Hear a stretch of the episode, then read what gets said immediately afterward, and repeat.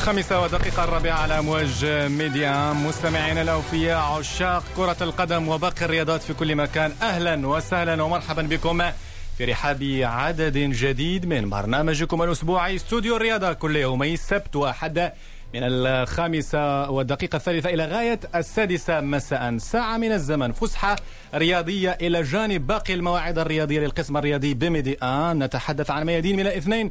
إلى الجمعة من التاسعة إلى غاية التاسعة والنصف. ومساء. برنامج لوفيستير من الخامسة والنصف إلى السادسة مساء لتنشيط عدد اليوم من استوديو الرياضة المليء بالكثير من الأحداث الرياضية برفقة اليوم زميلي علي صلاح الدين علي بونسوار Bonsoir Wadi, bonsoir à tous. C'est donc parti pour un nouveau numéro de Studio Sport. Nous sommes ensemble jusqu'à 18h afin de retracer l'essentiel de l'actualité nationale et internationale avec en tête le derby, le 128e derby de l'histoire en match en retard de la 25e journée de Botola Pro. Un derby qui a déçu, Wadi, on s'attendait à mieux, mais les deux équipes se sont quittées sur un score de 0 à 0. La course pour le titre, elle, reste plus que jamais ouverte avec un point d'écart entre les deux équipes et derrière l'équipe de Berkane qui peut toujours rêver d'un titre de champion du Maroc. بالفعل علي تشتعل البطولة المغربية في دوراتها الأخيرة سواء في مقدمة الترتيب أو حتى في أسفل الترتيب آخر الأحداث الرياضية كانت إذا هي الديربي ديربي البيضاء ديربي الثامن والعشرين بعد المئة بين الرجاء والوداد والذي انتهى كما قلنا بالتعادل السلبي من دون أهداف. ديربي بعنوان الرتابة والأداء الباهت من الجانبين سواء من جانب الرجاء أو الوداد والحائل في الأخير. كما تعلمون تعادل سلبي لم يرقى إلى مستويات ديربي البيضاء. صحيح غاب الجمهور لكن كل شيء غاب في هذا اللقاء. كل شيء بطبيعة الحال لم يحضر في هذه المباراة بين جمال أسلامي وميغيل أنخيل جاموندي وكما ذكرت علي هذا التعادل السلبي كان في صالح نهضة بركان الذي بات في دائرة المتنافسين رسميا على لقبه الأول في رحاب البطولة الاحترافية. سنستمع في هذا العدد إذا في ردود الفعل بعد ديربي لكل من صلاح الدين السعيدي ومسانداو من جانب فريق الوداد البيضاوي. وللتوضيح فقط فريق الرجاء البيضاوي اتصلنا مرات ومرات مع العديد من اللاعبين وأيضا المسؤولين. وأخبرنا أيضا مسؤول التواصل بفريق الرجاء البيضاوي بأن لا أحد يريد أن يتحدث عن ردة الفعل بطبيعة الحال بعد هذا الديربي البيضاوي وهذا فقط للتوضيح لكي نقول بأن روايات فريق الرجاء البيضاوي لم يستطيعوا بطبيعة الحال أن يجدوا لنا متحدث رسمي بعد هذا الديربي. إذا علي بعد ذلك سنرحل إلى نهضة بركان للحديث عن اللقاء القادم للفريق البرتقالي أمام رجاء بني ملال. دون أن ننسى مواضيع أخرى فريق حسن تقادير الذي يصارع من أجل البقاء بين وجه إفريقي ووجه محلي متباين. ثم أيضا نتحدث عن تعيين زوران مانولوفيتش مدرب جديد علي لفريق المغرب التطواني qui va jouer contre son ancienne équipe le Wydad de Casablanca demain pour l'un des chocs de cette prochaine journée de Botola Pro où bien sûr l'équipe de Berkane aura l'occasion de prendre une option puisqu'elle joue la lanterne rouge en l'occurrence le Raja de Nimlal on ira également on va s'intéresser également à quelqu'un qui représente le Maroc au sein du tribunal arbitral du sport et c'est une première Wadia il s'agit d'Abdelkarim Adil qui sera notre invité de cette édition de Studio Sport. On parlera également tennis avec le début de Roland Garros, les internationaux de France qui débutent demain avec plusieurs rencontres au programme et une édition qui sera particulière avec qui sera marquée par cette pandémie et qui a été reportée jusqu'en septembre. Sébastien Helot, journaliste, commentateur et spécialiste de la petite balle jaune, sera également notre invité de Studio Sport. إذا على بركة الله مستمعينا الأوفياء تنطلق رحلتنا اليوم في برنامج استوديو الرياضة بالديربي البيضاوي الأخير يوم الخميس الماضي على أرضية مركب ملعب محمد الخامس بالدار البيضاء. أسدل الستار إذا على الديربي البيضاوي الذي كان ينتظره الجميع بلا غالب ولا مغلوب من دون أداء. بطبيعة الحال جيد. يمكن القول بأن المردود كان ضعيف تكتيكيا بدنيا وحتى تقنيا. لم تحضر الفرجة فوق المستطيل الأخضر لأسباب متعددة بطبيعة الحال لأن كل فريق تبين بأنه كان يبحث عن نقطة التعادل ولا شيء غير ذلك. من أجل البقاء في دائرة التنافس على اللقب الرجاء يريد أن يبقى في الصدارة. الوداد أيضا لا يريد أن يغامر وبالتالي خاصة في ظل الغيابات الكثيرة على التي كانت لفريق الوداد البيضاوي وبالتالي كان يبحث عن نقطة للبقاء في دائرة التنافس كما ذكرنا. نذكركم فقط قبل الاستماع إلى ردود الفعل بعد الديربي البيضاوي بالترتيب بعد تعادل الرجاء في الصدارة ب 49 نقطة بفارق نقطة واحدة عن الوداد ب 48 نقطة. كل ذلك أمام نهضة بركان بفارق نقطتين عن المتصدر الرجاء ونقطة واحدة عن الوداد 47 نقطة. رابعة ترتيب مولودية وجدة ب 47 نقطة. الفتح خامسا ب 40 نقطة. أسفل الترتيب سنعود إليه حين نصل إلى الملف الخاص بالصراع من أجل البقاء في البطولة الاحترافية. إذا الوداد الرجاء تعادل سلبي من دون أهداف. نستمع لصلاح الدين السعيدي الذي دخل بديلا في مركز لم يألفه مركز وسط الدفاع بعد خروج المدافع رحيم. وبالتالي نستمع لصلاح الدين السعيدي أكيد المباراة ما كانتش سهلة. بغض النظر عن مباراة الديربي فكنظن ان كان يمكن أنها تحدد مصير الفريق اللي غيبقى غادي نحو اللقب اللقب بشكل كبير. هادشي اللي خلى الضغط يتسلط على الفريقين. فالحمد لله فحنا أنا جيت سعيد بأداء اللاعبين فاللاعبين قدموا مباراة كبيرة. حافظنا على فارق النقاط مع المتصدر. مازال تقريبا مازال خمسة المباريات. فخمسة مباريات يعني 15 نقطة. فلازم أننا نزيدوا نركزوا نحاولوا ما نضيعوش العديد من النقاط. والسباق نحو اللقب فغيبقى حتى الدورة الأخيرة. نتمنى إن شاء الله الرحمن الرحيم أننا نزيدوا نشتغلوا نزيدوا نجتهدوا باش في آخر الموسم نفرحوا الأنصار ديالنا وشكرا لهم على المساندة اللي لقيناها طيلة الأسبوع عبر مواقع التواصل الاجتماعي. وان شاء الله فاللاعبين حاسين بهم وإن شاء الله الرحمن الرحيم في آخر الموسم نتمنى من الله إن شاء الله راح نفرحوا كان اذا صلاح الدين السعيدي لميكروفون الزميل فؤاد الحناوي. اذا صلاح الدين السعيدي من الكوادر الأساسية في فريق الوداد ولو أنه لم يسترجع مستواه المعود داخل القلعة الحمراء. علي من الأسماء التي تبرز دائما في دكة بدلاء فريق الوداد البيضاوي. المهاجم الأسبق للفريق الأحمر موسى أندا والذي بات ضمن طاقم ميغيل أنخيل غاموندي الذي وصل علي بعد رحيل خوان كارلوس غاريدو. Lors de ce derby face au Rajat Casablanca. Il avait beaucoup à cœur, à l'image de tous les supporters du Wydad, de remporter les trois points afin de reprendre la tête du classement général. Mais le match a été euh, très fermé. C'est ce que va nous confirmer Moussanda au terme de cette rencontre vu le contexte du match et vu surtout que les deux clubs sont en haut du classement, c'est un match cadenassé. On va pas se mentir, on n'a pas assisté à un très très grand derby. Ça a été un match plutôt cadenassé. Voilà, on a vu d'entrée que le Raja était venu avec des intentions défensives, surtout au milieu de terrain. En première mi-temps, on a essayé. Je pense qu'on a eu la meilleure occasion avec Gamloud.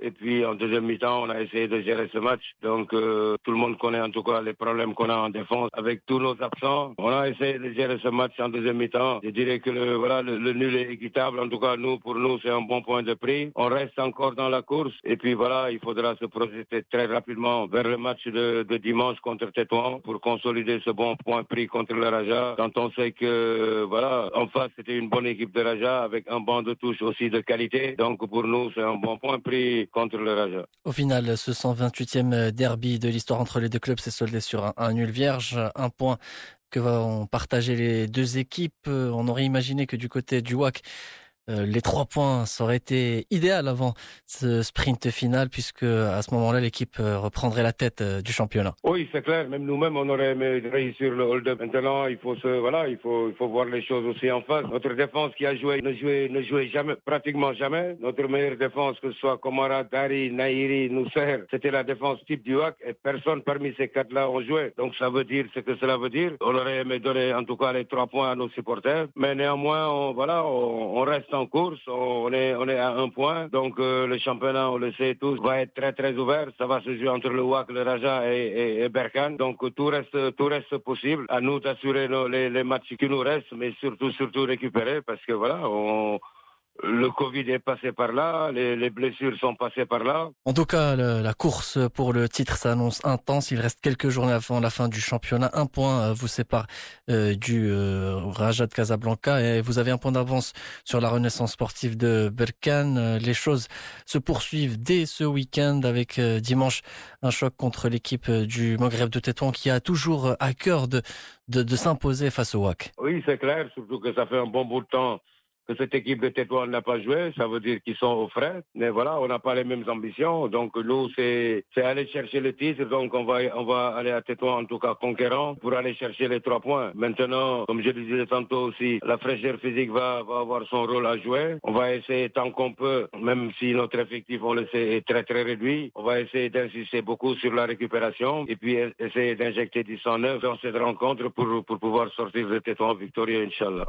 Voilà, donc euh, c'était Moussa Ndao, l'entraîneur adjoint du Wydad de Casablanca au sujet de ce derby et au sujet aussi de la prochaine rencontre de son équipe face à l'équipe du Maghreb de Tétouan. Ça sera euh, demain, bien évidemment. On va suivre ce match avec attention, d'autant plus que le Mat aura euh, sur son banc de touche un ancien du Wydad, dans l'occurrence Zoran Malolovic, le nouvel entraîneur. On va y revenir dans notre émission Studio Sport, bien évidemment. Entre-temps, eh bien, une équipe qui est en train de réaliser une belle fin de championnat et qui rêve de de, titre, c'est la renaissance sportive de Balkan, surtout après cette victoire de prestige, on va dire, contre l'équipe euh, des phares de Rabat, 2 buts à 1, une victoire qui, qui, qui donne des ailes à l'équipe de la RSP. بالفعل علي كما ذكرنا ذلك في بداية العدد قلنا بأن المستفيد الأول من التعادل في الدار البيضاء بين الوداد والرجاء هو نادي نهضة بركان الذي تفوق على الجيش الملكي يوم الأربعاء الماضي بهدفين لهدف واحد. مباراة كانت صعبة على أبناء المدرب طارق سكيتيوي لكن في آخر المطاف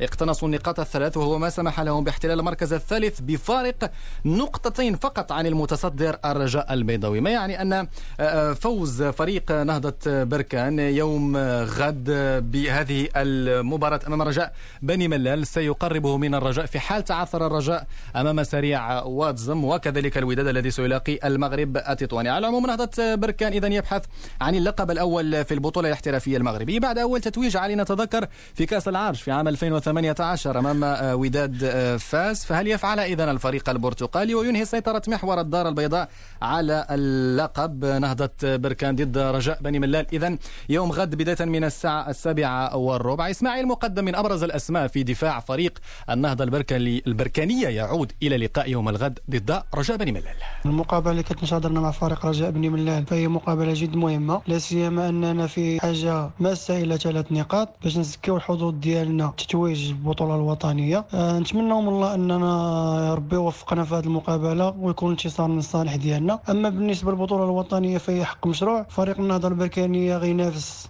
إلى آخر جولة. ونتمنى من الله اننا أن ربي ما يخيبناش ونديروا اللي علينا والكمال على الله. كان اذا إسماعيل مقدم لاعب فريق نهضة بركان. تحدث اذا عن اللقاء المرتقب job يوم غد أمام رجاء بني ملا لقاء مهم إلى جانب لقاءات أخرى نذكر فقط ببرنامج يوم الغد. نهضة الزمامرة مولودية وجدة رجاء البيضاوي يستقبل سريع وتزمو بخصوص هذا اللقاء بعض المعلومات المرتبطة بجاهزية لاعبي فريق الرجاء. سيغيب عبد الرحيم شاكير الإصابة الذي خرج مصابا في مباراة الديربي إلى جانب محمد مكعازي وسفيان رحيمي ثم عمر العرجون وذلك لتلقيهم الإنذار خلال مباراة الديربي وهي البطاقة الرابعة لهم هذا الموسم. إذا آه، نذكر أيضا بأن مباراة أخرى ستجمع المغرب التطواني ضد الوداد البيضاوي في صدام بين زوران مانولوفيتش وفريقه السابق الوداد البيضاوي. نواصل الحديث هذه المرة لكن بعيدا عن فرق المقدمة. بالضبط في أسفل الترتيب. نادي آه، آه، ممثل سوس حسنية أكادير الذي يقبع في الصف الثاني عشر في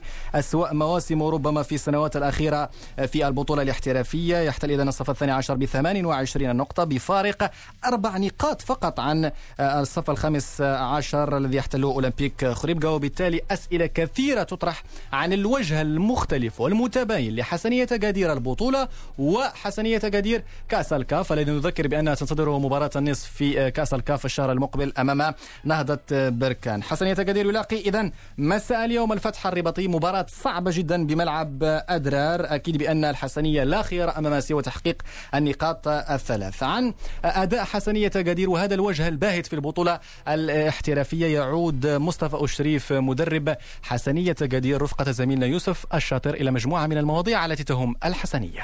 بطبيعه الحال كما سبقتي شرطي أنه كاين واحد ما نقولوش تناقض وإنما كاين فرق ما بين يعني البطولة والكأس الإفريقية. جاء من بعد آه، بعض المشاكل اللي كانوا طراو خارج يعني كما كنقولوا خارج الإرادة ديالنا. يعني كنا في واحد الوقت جدنا أنفسنا يعني يعني في البطولة آه، يعني صعيب أنه كما كنقولوا يعني نصعدوا المراتب الأولى ولهذا كان آه، التركيز ديالنا أكثر على على المنافسات الإفريقية. وهنا عطينا أهمية كثيرة واللاعبين اللي كانوا عندنا في ديك الفترة كانوا كنخليوهم حتى المقابلات الإفريقية لأنه بينا نمشيو بعيد. من بعد كونفينمون آه الحمد لله رجع توازن المجموعة رجع الفريق يحقق نتائج إيجابية.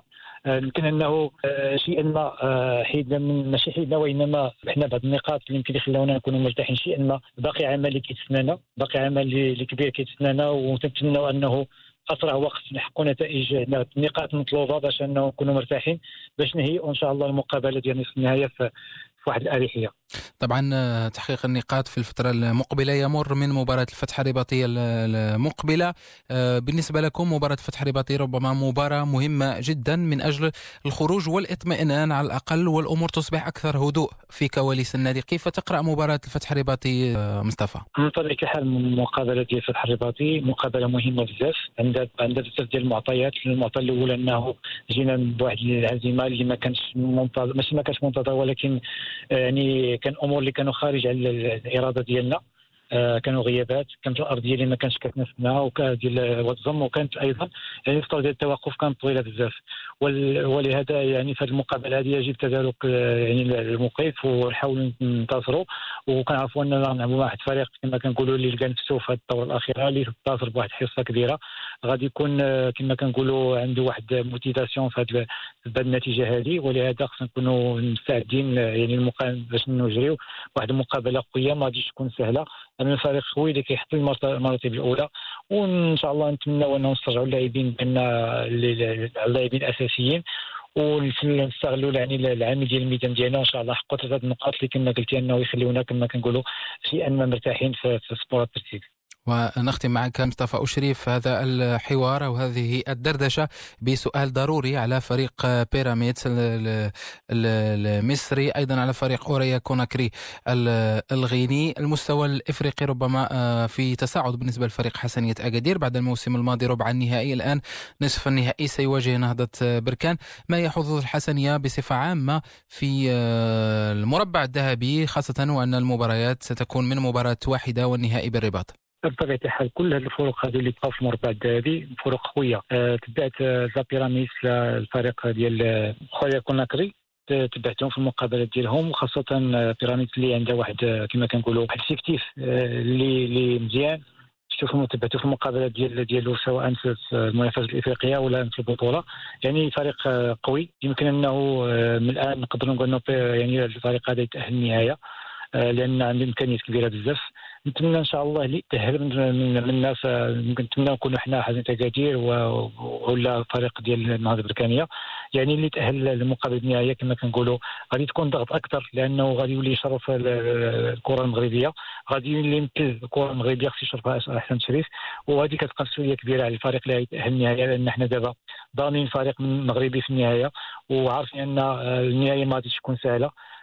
بين سواء حويه كوناكري أو لا بيراميدز ولهذا نتمنى إن شاء الله نكونوا في حسن المغاربة. الفريق اللي يكون يصعد يحقق الكأس إن شاء الله.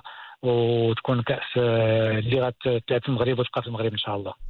كان اذا مصطفى وشريف مدرب فريق حسنية أكادير. الإشارة الحسنية تأثرت هذا الموسم بطبيعة الحال بتغيير المدرب أنخيل جاموندي بعد فقدان كأس العرش بطبيعة الحال أمام نادي الاتحاد البيضاوي. وبالتالي أكيد بأن ذلك أثر بشكل سلبي على مسار الحسنية في البطولة هذا الموسم بعدها جاء بمحمد فاخر لكن لم تتحرك الآلة الهجومية للحسنية لم تمر النتائج كما يريدها الجمهور غزلة سوس. والحق إلى اليوم هو أن الفريق كما ذكرنا يحتل الصف الثاني عشر بفريق أربع نقاط عن الصف الخامس عشر الذي يحتله أولمبيك خريبكا اذا من حسنية أكادير ننتقل إلى شمال المغرب. هذه المرة المغرب التطواني والمستجد داخل نادي الحمامة البيضاء. هو تعيين مدرب جديد يتعلق الأمر بالمدرب الصربي المدرب الأسبق للوداد البيضاوي زوران مانولوفيتش.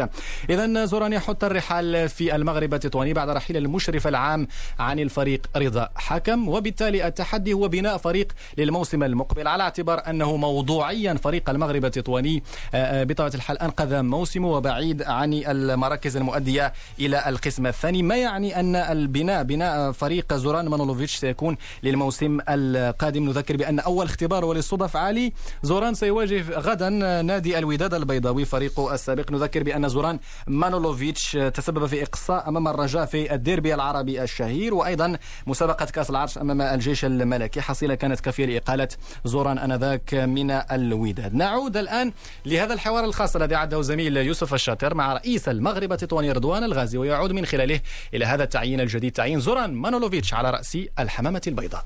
الاختيار ديال زوران مانولوفيتش هو كان بعد انفصال عن عن الاطار الوطني السيد رضا حكم. الفريق حط واحد العدد ديال المعايير لاختيار المدرب الأنسب. استقبلنا واحد العدد كبير ديال السير الذاتيه من جنسيات مختلفة من البرتغال إسبانيا من مصر من تونس من بلجيكا ومن المغرب أيضا. بعد استقبلنا هذه السير الذاتية كثيره كان اختيار ديال زوران مانولوفيتش المدرب السابق للفريق آه، وداد البيضاوي. المعايير كانت هي أهمها كانت هي الدراية ديالو كرة القدم المغربية بالبطولة الوطنية. كان أحد إحدى المعايير أيضا ميزانيه الفريق اللي الراتب ديال المدرب ما يكونش ثقيل على على الميزانية ديال الفريق اللي يناسب الميزانية. والطريقة ديال التسيير ديال المجموعة الطريقة ديال اللاعب ومن أهم الشروط أيضا هي الطريقة ديال فسخ العقد الأهداف المتفق عليها اللي اللي هي خصها تكون أحسن النادي أو الفريق يكون في حلة جيدة وأحسن من الفترات السابقه واللي كيطمح فيها كيرضي الطموحات ديال الجماهير التطوانية. طبعا الجماهير التطوانيه طموحات كبيرة بالنسبة لهذا الفريق الذي توج في الفترة الأخيرة بطلا للمغرب لمرتين. هناك ثقل عليكم الآن من أجل بناء فريق. هذا الموسم ممكن أن نقول أن الفريق مرتاح في وسط الترتيب. بعد بداية موسم كانت جيدة. الفريق ربما الأداء يطمئن بشكل عام آه، على المستوى هذا الموسم لكن ربما الطموحات تختلف بالنسبة للموسم المقبل. عودة المغرب التطواني مرة أخرى للمنافسة على اللقب وعلى ولمكانته الطبيعية التي عودنا عليها في السنوات الأخيرة. أكيد إن شاء الله. أكيد حنا كنشتغلوا لإرضاء الطموحات ديال الجماهير التطوانية كاملة إن شاء الله. ودائما نطمح إلى الأحسن. الفريق كان كيعاني في السنوات الماضية. الحمد لله هذا العام تجاوز المراحل خطوات كبيرة. السنة القادمة إن شاء الله مع التسيير والتجربة اللي راكمنا في السنتين الماضيتين إن شاء الله الفريق يكون يرضي كما قلنا الطموحات ديال الجماهير ويكون في أحسن حله ويكون فريق ذو تنافسية عالية جدا اللي ينافس الفرق البوديوم. في ختام هذه الدردشة. بالنسبة لكم كإدارة ربما بدأتم في التفكير في السنة المقبلة من خلال التعاقد مع زوران. آه، هل ننتظر صيف ساخن بالنسبة للانتدابات انتقال لاعبين وأيضا جلب اللاعبين أم فريق المغرب التطواني سيبحث عن الحفاظ على الأسس والركائز ديالو هذه السنة مع تدعيم طفيف لاعب أو اثنين؟ بالفعل الحمد لله. الفريق ديال المغرب التطواني العقود ديال اللاعبين اللي غادي تنتهي هي تقريبا خمس عقود آه، جوج منهم تم التجديد ديالهم. الفريق غادي يحاول يحافظ على التركيبة البشرية ديالو مع التغيير. بعد غادي نحاولوا نتدبوا في بعض المراكز اللي عندنا فيهم خصائص الدفاع وفي الهجوم وفي وسط الميدان. يعني غادي يكون أغلب التقدير غادي يكون ثلاثة حتى أربع لاعبين اللي يسدوا ذاك الخصص اللي باقي ناقصنا في الفريق. حنا مطمئنين على أداء ديال الفريق مطمئنين على التركيبة البشرية اللي كاينة. فريق آه، أيضا اللي غادي يحقق واحد الاستقرار خصوصا بالنسبة للتركيبة البشرية وخصوصا بالنسبة للاداء التقني غادي يكون النتائج أكيد غتكون مزيانة وترضي الطموحات Voilà donc euh, c'était Erdogan Razi, le président du Maghreb de Tétouan au sujet de cette euh, nouvelle nomination de Zoran Manolovic, nouvel entraîneur euh, du Maghreb de Tétouan, le Maghreb de Tétouan qui va retrouver demain l'équipe du Wydad de Casablanca en match en retard de la 26e journée de Botola Pro, un match qui aura lieu au stade Sania Sarmel sans public bien évidemment à partir de 21h30 cette 26e journée qui débute aujourd'hui avec un match entre l'équipe du Hassania d'Agadir et le FUS de Rabat à suivre à partir de 19h15. Et puis demain, outre euh, le match entre le Maghreb de Tétouan et le Wydad de Casablanca, il y aura également l'opposition entre la Renaissance de Zmemra et le Mouloudia d'Oujda à partir de 17h. Euh, le Raja de Bnimellal va recevoir la Renaissance sportive de Berkane à partir de 19h15 et puis à partir de 19h15 également cette fois pour le compte de la 22e journée de Botola Pro le Raja de Casablanca va recevoir l'équipe du Rapid de Wadzem. Voilà ce qu'on pouvait dire à propos de cette 26e journée en retard de la Botola Pro. On rappelle qu'au classement général, le Raja de Casablanca est toujours leader avec 49 points, soit une unité d'avance sur le Wydad de Casablanca derrière la Renaissance sportive de Berkane est troisième avec 45 points. Et puis en bas de tableau, le Raja de Bnimnal est lanterne rouge. L'Olympique de Khribga, la Renaissance de Zmamra et l'Itihad de Tanger avec euh, la Hassaniya d'Agadir se disputent euh, le, euh, bien sûr, le maintien, la lutte pour le maintien la course qui s'annonce intense d'ici à la fin du championnat. Restez avec nous, on revient dans Studio Sport après le flash pour parler de football et de tennis.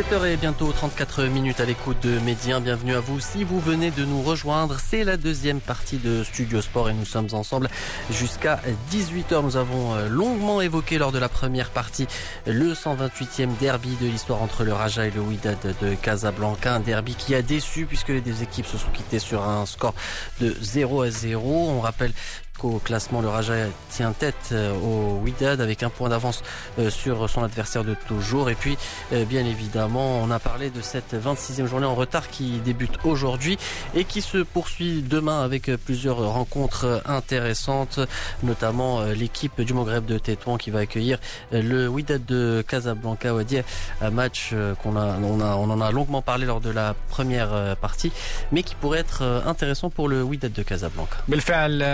مباراة مهمة جدا. تنتظر فريق الوداد البيضاوي يوم غد. ولو أن كل المباريات بكل صراحة هي مهمة للفرق التي تتنافس على اللقب وبالتالي فريق الوداد البيضاوي أمام اختبار صعب ضد المغرب التطواني. كما ذكرنا قبل قليل ضد مدربه السابق زوران مانولوفيتش. عن هذه المباراة المرتقبة بين الوداد البيضاوي والمغرب التطواني نستمع ليحيى جبران متحدث لميكروفون الزميل فؤاد الحناوي.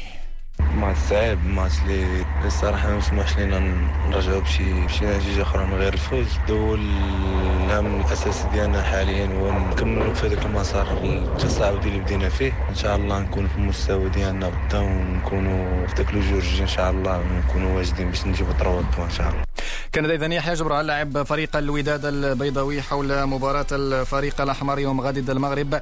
التطواني بداية من الساعة التاسعة والنصف مساء. اذا نواصل الحديث عن فرق أندية القسم الأول. أكيد بأن الحديث الآن عن أولمبيك آسفي القرش المسفي والذي احتل الصف التاسع ب 32 نقطة رسميا ضمن البقاء في قسم الكبار. سيحاول في الدورات القادمة الاقتراب أكثر من الصفوف الستة الأولى وإنهاء الموسم بنتائج جد إيجابية. أولمبيك أسفي تحت قيادة المدرب عبد الهادي سكيتيوي العائد إلى الأولمبيك مرة أخرى. يمني النفس مواصلة بطبيعة الحال في النسق التصاعدي للقرش المسفيوي الذي من دون شك تنتظر هو الآخر خمس مباريات مهمة وبالتالي عليه أن يلعب من دون أي ضغوط. في عدد اليوم يحط الرحال معنا اللاعب زكريا الهلالي زكريا الهلالي الذي يلعب الآن لأولمبيك.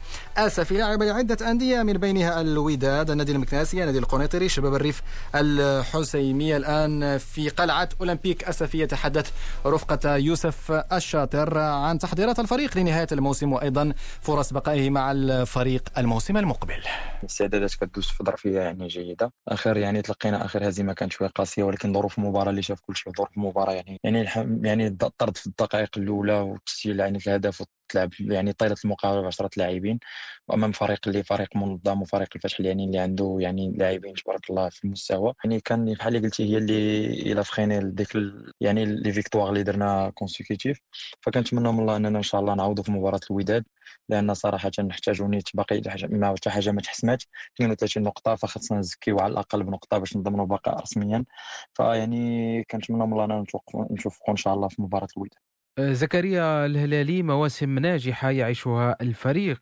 تألق لافت في الكأس العربية بالنسبة لفريق أولمبيك أسفي. كيفاش كتصوروا كلاعبين السنة المقبلة؟ أكيد هناك طموح من أجل المنافسة على المراكز الأولى وأيضا على منافسات كأس العرش. الحمد لله بعد تحقيق يعني مراتب متقدمة الموسم الفائت اللي خولنا أننا نلعب البطولة العربية. فيعني الحمد لله تألقنا وحققنا نتائج إيجابية تضافر الجهود أو خصوصا يعني الكل كان كيصد في جهة واحدة ربع النهاية وثاني مشاركة للفريق اللي ما عندوش تجربة في المنافسات الخارجية. فهذا يحسب إنجاز فريق أولمبيك اسفي فما كنا صراحة كنا خصنا نكملوا ونكونوا إن شاء الله ضمن زعما ضمن هذا المربع الذهبي. ولكن ما ما كتبش فقدر الله ما شاء فعل. فكنتمنى من الله أننا إن شاء الله كما نعوضوا إن شاء الله في باقي المقابلات باش نضمنوا مراتب متقدمة اللي تخولنا نشاركوا في أي منافسة خارجية. على المستوى الشخصي زكريا الهلالي تجربة كبيرة في البطولة ضمن فرق مختلفة آه، تقييمك للمسار اللي خطيتيه مع فريق أولمبيك آسفي في السنوات الأخيرة وهل هناك نية للاستمرار دائما في هذا المشروع لسنوات أخرى؟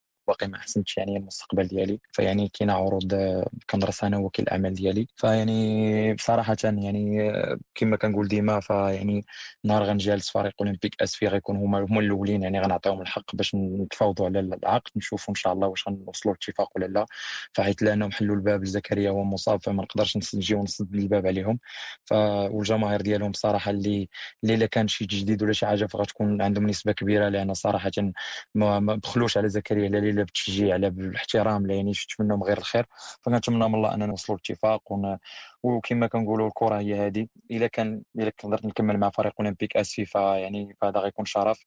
ما قدرتش أنه تحبس يعني المسيرة ديالي في فريق أولمبيك آسفي هنا في هذه السنة هذه كنتمنى لهم. يعني مسيرة موفقة إن شاء الله وغيبقى غيبقى فريق أولمبيك آسفي والجمهور ديالو في القلب ديالي حتى نسالي إن شاء الله. زكريا الهلالي اذا لاعب أولمبيك آسفي تحدث عن مجموعة من الأمور المرتبطة بنهاية الموسم ورفقه القرش المسفوي. أيضا آفاق المستقبلية بطبيعة الحال. وأكيد بأن الكل يتذكر المسار المتميز لحساب الموسم المتواصل بطبيعة الحال. كأس محمد السادس للانديه البطله القرش المسفوي قدم مباريات متميزة آنذاك وبالتالي استحق أن يكون ممثل لكرة القدم المغربية إلى جانب كل من الوداد والرجاء البيضاوي. نذكر فقط قبل الختام بآخر قرارات الجامعة الملكية المغربية لكرة القدم رفقه العصبة الاحترافية علي بخصوص البطولة الاحترافية وكيفية تنظيمها. اليوم أمس عقد اجتماع بحضور رؤساء الأندية سواء في القسم الأول والثاني وأيضا العصبة الاحترافية. الجولتين الأخيرتين 29 والثلاثين بعد توافق بين رئيس الجامعة الملكية المغربية لكرة القدم فوزي لقجع والناخب الوطني وحيد هاليلوزيتش. فبالتالي هذه المباريات ستجرى في الفترة الدولية المرتقبة فترة الفيفا من الخامس إلى الثالث عشر من اكتوبر فستجرى فيها مباريات البطولة الاحترافية. على الرغم من أن المنتخب المغربي سيواجه منتخبي السنغال والكونغو الديمقراطيه يوم 9 وثالث عشر أكتوبر وبالتالي وحيد لوزيتش لن يستدعي لاعبي الأندية المحلية لمنح الفرصة لإنهاء الموسم الذي طال طال طال بسبب فيروس كورونا وأيضا تأخر الاستئناف. وبالتالي تمت برمجة كل المباريات المتبقية الخمس في البطولة الاحترافية على أن تنتهي ويسدل الستار على البطولة الاحترافية يوم الحادي عشر من أكتوبر المقبل يوم غد لتذكير فقط ملف خاص أعددناه بخصوص كرونولوجيا كورونا والرياضة المغربية بما فيها أبرز المحطات التي مرت منها الرياضة المغربية خاصة كرة القدم وتأثيرات فيروس كورونا على كرة القدم والرياضة المغربية بصفة عامة. ولماذا أيضا عجزت بعض الرياضات الأخرى على استئناف التنافس؟ كل ذلك يوم غد في ملف خاص طبعا في استوديو الرياضة. فقط في الأخير لكي نغلق ملف البطولة الاحترافية نذكر بأن صراع أسفل الترتيب متواصل بين أولمبيك خريبكا نهضة الزمامرة اتحاد طنجة ونسبيا حسنية أكادير. نذكر بأن أولمبيك خريبكا يعاني يعاني كثيرا هو الآخر للبقاء في قسم الكبار. أما رجاء بن ملال ولو ليس حسابيا ولكن دعونا نقول بأن موضوعيا رجاء بن ملال إلى القسم الثاني. ننتظر من سيرافقه أولمبيك خريبكا نهضة الزمامرة اتحاد طنجة حسنية أكادير المباريات الخمس المقبلة الوحيدة للجواب عن هذا السؤال. Allez, on va s'intéresser à présent à quelqu'un qui représente le Maroc au sein du tribunal arbitral du sport et c'est une première. Il s'agit de Abdelkarim Adiyel après une carrière d'arbitre sous l'égide d'instances sportives marocaines telles que le centre de médiation et d'arbitrage de Casablanca et international également euh, avec l'image de l'association internationale des avocats du football. Il finit par intégrer le TAS, le tribunal arbitral euh, du sport en 2019. Abdelkarim Adiyel nous parle d'abord de cette consécration. L'idéal pour être arbitre au TAS, c'est d'abord donc être juriste et avocat ou autre juriste donc, et en parallèle, l'idéal serait d'être spécialisé en droit du sport, euh, avec donc une diplomation en la matière, ce qui a été mon cas. Troisième élément qui est important, c'est l'arbitre, la qualité d'arbitre. Il se trouve que je suis arbitre accrédité au sein du Centre de médiation d'arbitrage de Casablanca, et en parallèle, je suis médiateur diplômé de l'IFOMEN Paris. Donc, ce sont ces caractéristiques qui ont fait que euh, mon profil donc s'est adapté donc à, à ce poste-là. Alors, euh, maître Karim Adiel, vous allez être désormais confronté à plusieurs dossiers. Est-ce que vous pouvez nous parler des tâches qui vous attendent avec le TAS? D'abord, un arbitre se doit de respecter quatre principes. Le principe de neutralité, d'indépendance, d'impartialité et de confidentialité. Ça, c'est les qualités d'arbitre. Ensuite, donc, sur le plan procédural, euh, bien tout, euh, tout un chacun, toute partie a le droit de choisir librement au sein de la liste des arbitres donc du, du TAS un arbitre dans le cadre des litiges pouvant donc opposer les associations, les fédérations ou les associations et les athlètes, tout ce qui a donc attrait au caractère sportif. Et donc, et de ce fait, donc la procédure est que la partie donc nomme un arbitre par le biais donc d'un avocat et donc la direction donc du TAS, les instances du TAS nous informent que nous sommes saisis d'une affaire donc opposant deux parties et à ce moment-là donc la procédure suit son chemin, on instruit donc les dossiers et au final on rend une sentence en faveur de cette partie ou de l'autre en appliquant les principes du droit et de l'équité sportive. Vous suivez, maître euh, Karim Adiel, également ce qui se passe euh, au Maroc. Alors, quelle est votre position quant à l'évolution du droit des sports? J'espère bien que le droit du sport évolue au Maroc et modestement j'ai contribué donc à, en termes donc positifs à véhiculer donc cette, cette discipline-là et à la faire connaître donc au Maroc. Le, ce que je préconise, c'est de créer une diplomation spécifique en droit du sport. Il n'y a pas de diplôme donc spécifique, c'est ce que je souhaiterais pour les Marocains pour qu'on puisse instaurer davantage cette discipline et pouvoir aller de l'avant en matière donc de gouvernance sportive et en matière donc de droit du sport au Maroc. Sur le plan académique et universitaire, cela se développe en matière de discipline, mais ces disciplines sont éparses, sont éparses, c'est-à-dire elles sont, sont variées, elles sont accolées au management du sport par exemple etc. Euh, ce que je préconise, c'est créer, par exemple, un master spécifique au droit du sport, parce qu'il faut savoir que le droit du sport englobe plusieurs matières. Il y a le droit social du sport, le droit économique du sport, la justice sportive, le droit international du sport. Si on arrive à englober, regrouper ces disciplines au sein d'un même master, ça ne pourrait être que euh, faire aller de l'avant le droit du sport au Maroc. Une dernière euh, question, selon vous, comment les clubs marocains de football pourraient améliorer leur pôle juridique pour une meilleure gestion des litiges? C'est une question judicieuse. Et lorsqu'on se compare donc aux pays euh, européens, nous voyons toujours qu'il y a donc un responsable juridique euh, spécialisé en matière sportive au sein des associations sportives, au sein des clubs, en l'occurrence le football. Donc je suis entièrement d'accord avec vous. Il faudrait instituer, instaurer une direction juridique strictement sportive avec des spécialistes en la matière.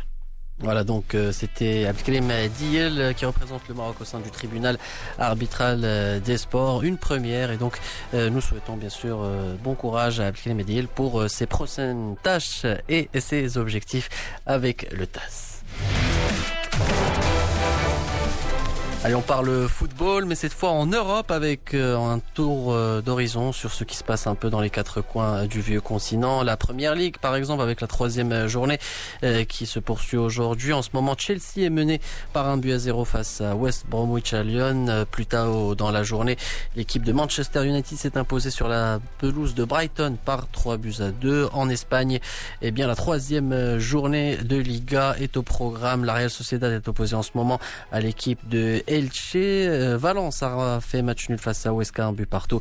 Et puis ce soir, à suivre le choc de cette troisième journée entre le Betis Séville et le Real Madrid. Le Real Madrid qui a débuté euh, timidement euh, cette première journée avec un nul 0 à 0. L'équipe qui a peiné offensivement. La question a été posée à Zinedine Zidane en conférence de presse avant de retrouver l'équipe andalouse.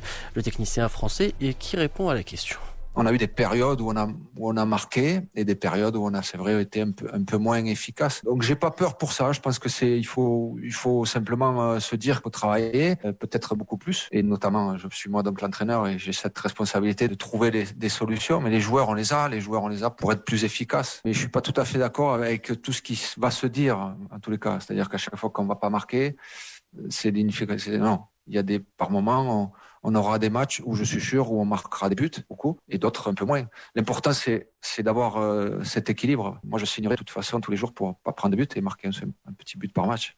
Donc voilà, mais euh, mais on aura des moments où on aura des buts, j'en suis persuadé.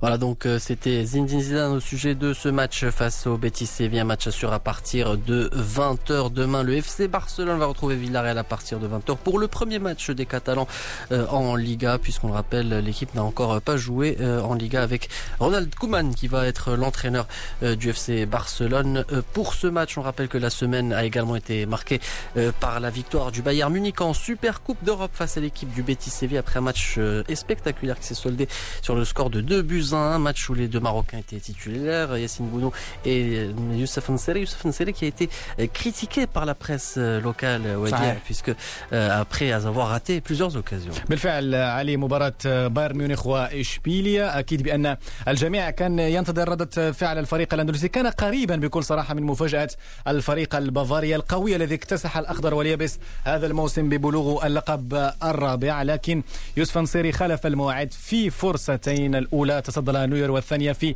القائم على العموم. هذا يحدث حتى للاعبين المتوهجين والنجوم الكبار. شيء عادي. آه، إشبيليا قدم مباراة متميزة؟ ما نتمناه أن يواصل يوسف النصيري وياسين بونو بطبيعة الحال. وأيضا منير الحدادي عالية الذي بات أيضا هو الآخر بحسب قانون الفيفا الجديد قادرا على حمل القميص الوطني إن استدعاه بطبيعة الحال الناخب المغربي وحيد آه، آلي لوزيتش. أكيد علي من عوالم كرة القدم إلى الكرة الصفراء. الحديث الحديث كل الحديث الآن عن رولان جاروس الذي يعود لكن في ظرف استثنائي وفي موعد لم يكن مرتقب علي Oui, à la fin du mois de septembre, alors qu'on s'était habitué à retrouver les internationaux de France aux portes de l'été, à savoir la dernière semaine du mois de mai, Roland Garros euh, qui a été reporté puis contraint à une jauge de spectateurs limitée. Le tournoi qui débute demain à Porte d'Octeuil a connu une préparation pleine de rebondissements. Sur les cours, on espère tout de même assister à un grand spectacle. Et pour nous parler de tout ce qui se prépare du côté de Paris, Sébastien Sébastien Hulot, journaliste, commentateur et spécialiste de la petite balle jaune. C'est vrai que c'est très particulier parce que euh, la jauge a été ramenée en plus à 1000 personnes maximum dans l'enceinte de Roland Garros avec ce nouveau central qui est, qui est magnifique, qui aurait pu accueillir jusqu'à jusqu'à quasiment 20 000 personnes. On va se retrouver avec 1000 euh, personnes grand maximum dans ce central. Ça va sonner creux. effectivement, après, ça va être de savoir aussi comment les joueurs vont s'adapter à cette, à cette nouvelle ambiance. Pour ceux qui ont fait l'US Open, c'est un vrai avantage parce que du coup, ils ont compris comment on pouvait jouer euh, quasiment à, huis clos. Après, pour les autres, ça va être euh, quelque chose de très particulier. Rafael Nadal a déjà déclaré que bien sûr, il venait pour gagner une nouvelle fois Roland Garros mais que sans public, ça va être difficile. Voilà donc une année euh, particulière euh, pour 2020 à Roland Garros. Il y aura en revanche les têtes d'affiche à l'image de Rafael Nadal et de Novak Djokovic, pas de Roger Federer. Qu'en est-il des chances des meilleurs de la discipline pour cette année? Sur la valeur intrinsèque des joueurs, hein, forcément, Rafael Nadal est, est le grandissime favori.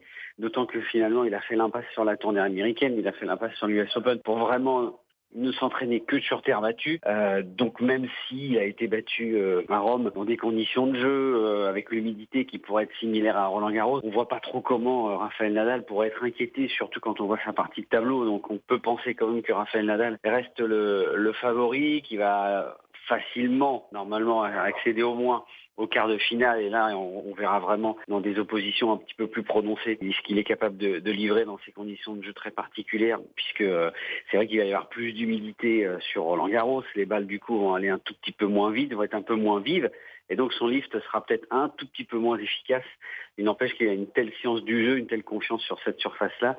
C'est vrai qu'il en est le favori. Et en, face, on va aussi s'attendre à, à Novak Djokovic. Il est numéro un mondial.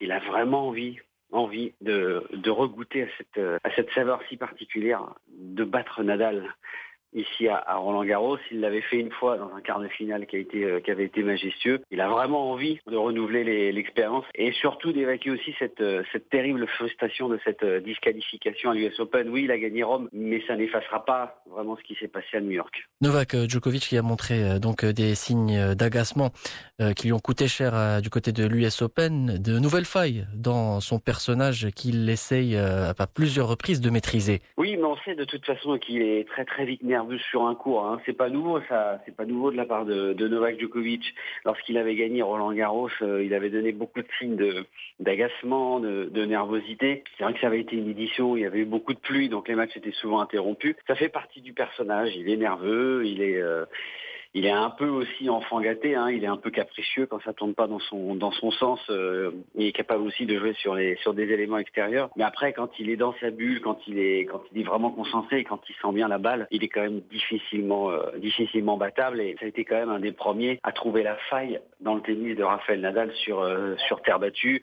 on se souvient en 2011 où il avait vraiment été exceptionnel. Enfin, euh, dernière question par rapport à, la nouvelle génération qui commence de plus en plus à se manifester. On l'a vu à, l'US Open. Mais ce qu'on a remarqué aussi, c'est que cette peur de, gagner un, titre du Grand Chelem, c'est pas facile euh, quand on a vu l'opposition entre Alexandre Zverev et Dominique Thiem. Est-ce que justement cette euh, nouvelle génération peut inquiéter les, les deux monstres que sont Nadal et Djokovic? Ils ont déjà inquiété les deux monstres que sont Nadal et Djokovic par le passé. Il manquait juste effectivement le petit surplus de confiance qui manquait à, ces joueurs-là. Maintenant, on peut plus parler justement de, ce manque de confiance chez Dominique Thiem. Il a enfin gagné un grand chelem. Pas forcément là où on l'attendait d'ailleurs, hein, parce qu'on l'attendait plus à Roland Garros avec ses, ses deux finales perdues. Mais là, il y a quelque chose qui s'est passé dans la tête de Dominique Thiem. Il a enfin gagné son premier grand chelem et ça va vraiment complètement le libérer. Et c'est lui finalement qui va peut-être euh, régler tout le monde avec euh, avec quand même un, jeu qui est fait aussi pour la terre sa puissance, son lift, son endurance. C'est peut-être la bonne année pour Dominique Thiem. En plus, dans ces conditions de jeu, on va le rappeler, mais c'est vrai que ça, change tout hein, pour, l'édition de Roland Garros. Quand on le fait comme ça, fin septembre, début octobre, on a plus d'humidité, les balles sont euh, beaucoup plus lourdes. Du coup, le rebond, il est moins vif, il est moins haut. Et du coup, un gros travailleur comme Dominique Thiem, ça peut être son année. Sébastien Hulot, euh, journaliste, commentateur et spécialiste euh, du tennis pour nous parler de cette édition de Roland Garros euh, assez spéciale qui débute donc demain avec plusieurs matchs au programme durant toute la journée sur les différents cours de Paris et bien sûr avec un choc d'entrée entre le Suisse Stanislas Wawrinka et l'Écossais Andy Murray, une affiche digne d'une finale de Grand Chelem il y a quelques années. Les deux joueurs ont depuis touché le fond et essayent de de se retrouver euh, petit à petit à l'image d'Andy euh, Murray après une opération à la hanche et qui retrouve euh, son niveau de jeu et qui commence évidemment à faire de belles choses à l'image de l'US Open où il a réussi à remporter quelques matchs avant de s'incliner. Voilà ce qu'on pouvait dire à propos de cette, ce Roland Garros qui sera spécial, qui débute au mois de septembre, à l'image un peu du calendrier ATP, on le rappelle, orphelin de Wimbledon, une première depuis très longtemps. Il y a eu, il n'y aura donc que trois grands chelems euh, cette saison. Et c'est avec euh, le tennis que se termine cette édition de Studio Sport. Merci beaucoup de l'avoir suivi. Excellente suite des programmes sur Média.